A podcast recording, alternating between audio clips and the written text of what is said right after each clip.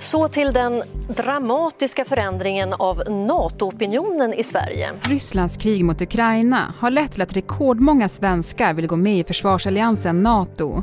I vårt grannland Finland har opinionen också svängt kraftigt. Det är en, en jordbävning i Finlands säkerhetspolitik. Finlands tidigare förhållningssätt till Ryssland ser nu ut att vara historia. Men är ett medlemskap i NATO verkligen den garanti för skydd som många hoppas på? Opinionsundersökningar kan inte vara grundkriteriet för eh, att man ändrar den säkerhetspolitiska grunden. På en kvart får du veta vad som skulle hända om vi gick med och varför vårt vägval får rubriker över hela världen. Det är onsdag den 9 mars. Jag heter Alexandra Karlsson och det här är Dagens Story från Svenska Dagbladet.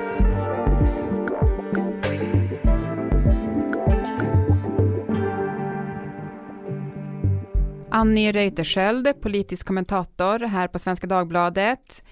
Du har ju bevakat försvarsfrågor länge, Annie, eh, och att frågan om ett svenskt NATO-medlemskap skulle diskuteras på den här nivån, trodde du det? Nej, och jag tror verkligen att det var få som hade kunnat förutse det här.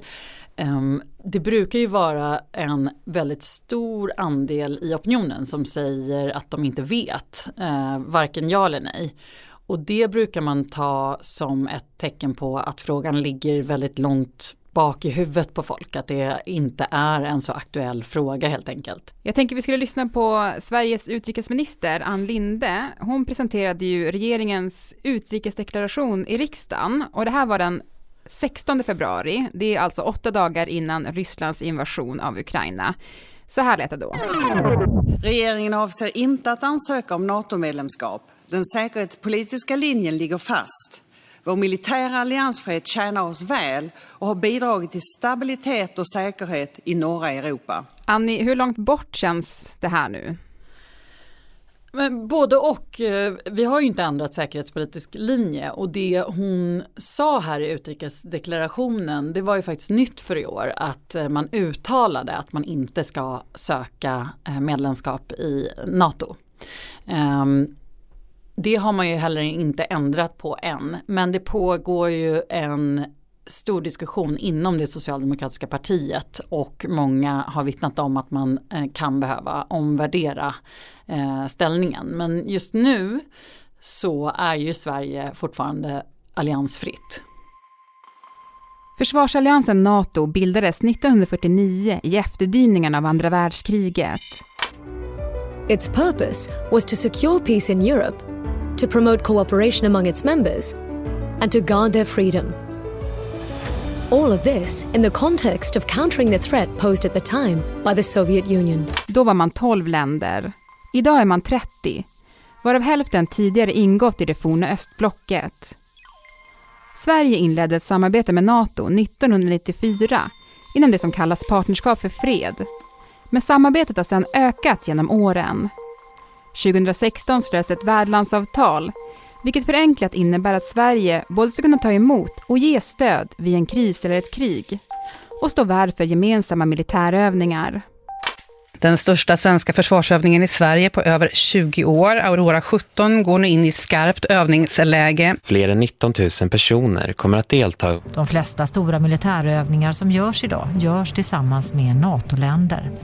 Men samtidigt som Sverige ökat sina band till NATO har regeringen lyft fram att den militära alliansfriheten fortsatt är en viktig del av svensk försvarspolitik. Och istället för att gå med i NATO har man valt att ingå i en rad olika försvarssamarbeten. We are a group of like-minded nations that bring different yet complementary skills to the table. And we're certainly not an alternative to NATO. Men vi är överens om att vi ska stärka den transatlantiska länken som är helt avgörande för säga, balansen i Europa. Sverige har ju redan nu flera olika försvarssamarbeten. Eh, hur skyddar de oss och är de bindande? Det finns ingen säkerhetsgaranti i de här bilaterala och multilaterala eh, avtalen som vi har. Däremot genom EUs solidaritetsförklaring finns det ju någon slags uttalan om det. Eh, men det finns många som ifrågasätter om, om det verkligen skulle leda till ett eh, försvar. Men det var ju när vi eh, gick med i EU kan man säga som vår neutralitetspolitik försvann eftersom i solidaritetsförklaringen så står det ju då att vi kommer inte förhålla oss passiva vid ett eh, anfall mot ett annat EU-land. Mm. Men vad exakt det betyder, vet man det? Nej, det är ju det som är lite oklart och det är ganska symptomatiskt för de här frågorna överlag. Eh, artikel 5 som NATO eh, har är ju mycket vassare formulerad. Article 5 states If a NATO ally is the victim of an armed attack, each and every other member of the alliance will consider this act of violence as an armed attack against all members and will take the actions it deems necessary to assist the ally attacked. Men även där finns frågetecken. Den enda gången som artikel 5 har aktiverats är efter 11 september eh, då man såg eh, talibanernas attack mot eh, World Trade Center som en attack mot ett NATO-land. Mm. Och vad innebar det då? Då sände ju NATO sina trupper till Afghanistan. Och det är ju ett ganska talande exempel på grund av att det just var USA som blev attackerat. Det är ju en, en väldigt tydlig maktspelare i försvarsalliansen NATO. Eh, och frågan är väl om samma reaktion skulle ske om det var ett mindre land som till exempel då Estland. Skulle USA och eh, NATO vilja riskera ett eh, tredje världskrig som eh, också kan involvera kärnvapen för eh, en liten bit av Estland? Det är väl den frågan som många ställer sig nu. Ja, och just konflikten när det gäller ett eventuellt NATO-medlemskap handlar ju om kärnvapen. Ja, många är ju rädda för att gå in i en, en allians som har kärnvapen. Men Danmark och Norge kunde under kalla kriget till exempel säga nej till att ha kärnvapen ens på sin mark. Så det är lite olika regler som gäller. Eh, men det är ju också kärnvapen som gör den här situationen med Ryssland så explosiv. När det gäller då Sverige, eh, hur har man tänkt kring de samarbeten man har idag? Peter Hultqvist har ju eh, tecknat väldigt många avtal just för att försöka bredda vårt eh, skydd eh, utan att gå med i NATO. Så det har ju hela tiden utgått ifrån att man ska vara alliansfria men att man ska öva tillsammans med andra länder och få en bättre försvarsförmåga. Mm. Och det är den här militära alliansfriheten som man pratar om för svensk del. Men funkar den fortfarande med hur läget ser ut nu? Att den ruckas ju i alla fall, det, det, får man ju verkligen säga. Men man ska nog tänka på hur grundläggande den är för svenskar. Den är ju för många som en del av självbilden eh, och vad det är att vara svensk. Det är väl vi och Schweiz som andra länder tänker på när de tänker på alliansfria länder i princip. Eh, så att det, det gungar just nu men jag skulle säga att det här är någonting som inte händer över en natt, att man överger den säkerhetspolitiska linjen. Mm. Opinionen har ju svängt eh, för ett NATO-medlemskap. Eh, och när det gäller NATO så är det ju Finland som vi alltid har förhållit oss till. Eh, men det som hänt lite grann nu är ju att Finland har börjat ändra sig, eller vad sker? Ja, vad sker i Finland? Det är lite oklart. Men opinionen har ju rusat där eh, i och med Rysslands attack mot Ukraina. Um, den mätning som fick mest uppmärksamhet var ju den här där 53 procent, alltså majoritet av finländarna vill se ett NATO-medlemskap och det är ju otroligt ovanligt. Eh, tidigare har Finland varit mer negativa än Sverige eh, till att söka. Och tidigare har finsk debatt handlat väldigt mycket om vad Sverige ska göra. Nu är det tvärtom. Och Finland har tagit ett steg eh, framför oss kan man säga. Men hur ska man förstå det då? Måste Sverige och Finland gå samma väg när det gäller NATO? Jag skulle säga att båda länderna allra helst skulle se en samordning. Men om Sverige intar en mer iakttagande position så kan det bli så att Finland drar iväg. Men det behöver ju inte vara NATO-medlemskap heller som är nästa steg för Finland. Nej, vi, vi ska gå lite in på det sen, vad som skulle kunna vara en, en annan väg att gå. Eh, men jag tänker att vi bara ska stanna lite grann kring NATO. Eh, och jag tänker så här, att eh, kommer inte Putin då se det som en ren provokation om vi skulle gå med i NATO nu? Jo, han har ju redan uttalat det och eh, det är ju grunden till, till del, av den, eh, del av grunden till den här konflikten att han ser Sverige och Finland som del av eh, Rysslands intressesfär och eh, att vi inte ska ansöka om medlemskap. Så det, det blir en uppenbar eh, spänning.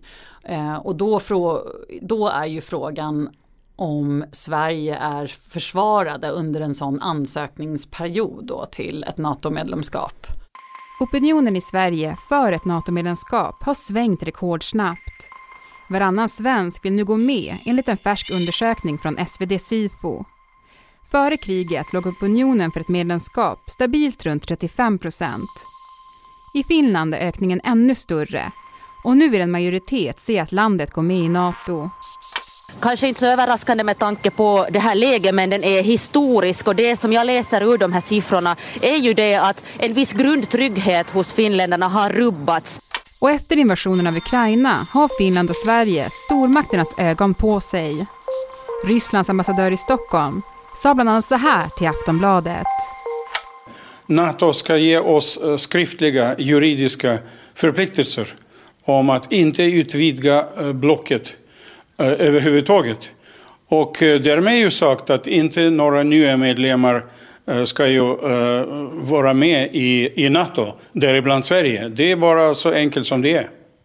Och USAs FN-sändebud drämde till med det här påståendet den 3 mars.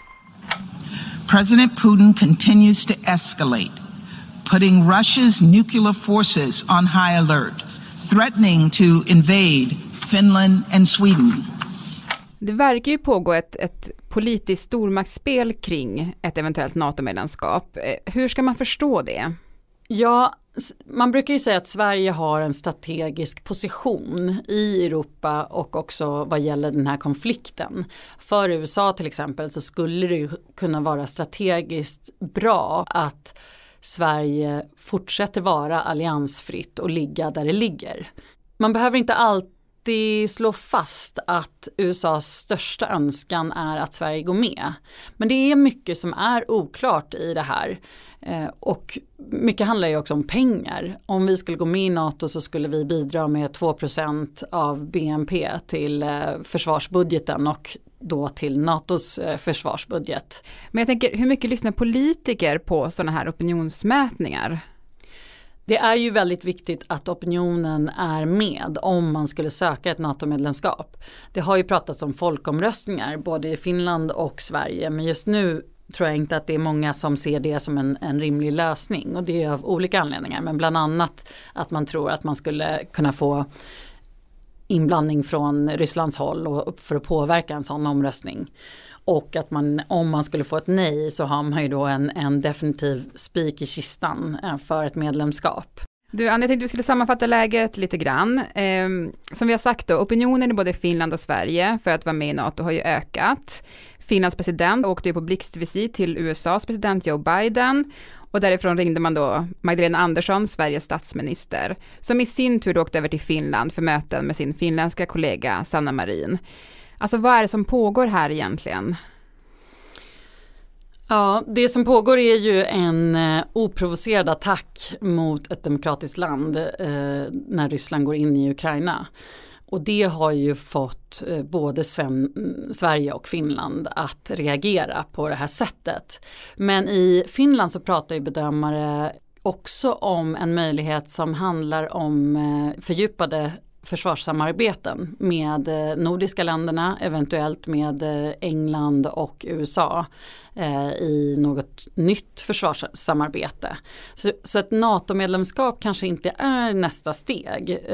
Ett, ett nytt slags fördjupat samarbete där andra säkerhetsgarantier ges skulle också kunna vara en lösning. Men det är väl det är ingen som är helt säker på exakt vad som sker. Det vi kan slå fast är att Sverige fortfarande står fast vid sin säkerhetspolitiska linje och Finland just nu håller på och debatterar och går igenom hur de ska ställa sig. För i Finland så har man ju haft eh, två stycken medborgarinitiativ med över 50 000 röster och då måste riksdagen i Finland eh, debattera och ta, ta upp de här frågorna. Mm.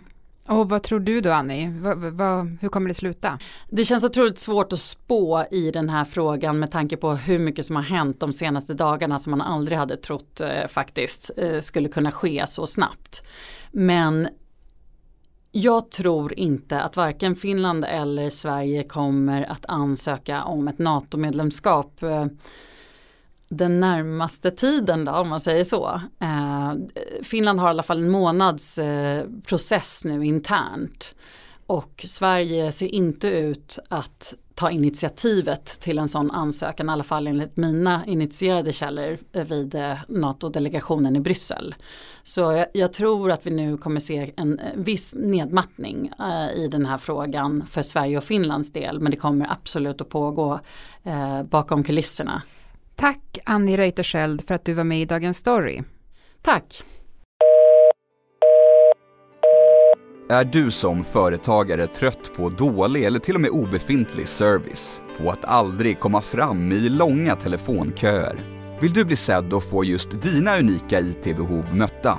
Komplett Företag är en modern IT-återförsäljare som tror på kraften med en riktigt bra webbshop tillsammans med en riktigt bra kundservice. Välkommen till komplettföretag.se, din partner inom IT och kontorsutrustning online.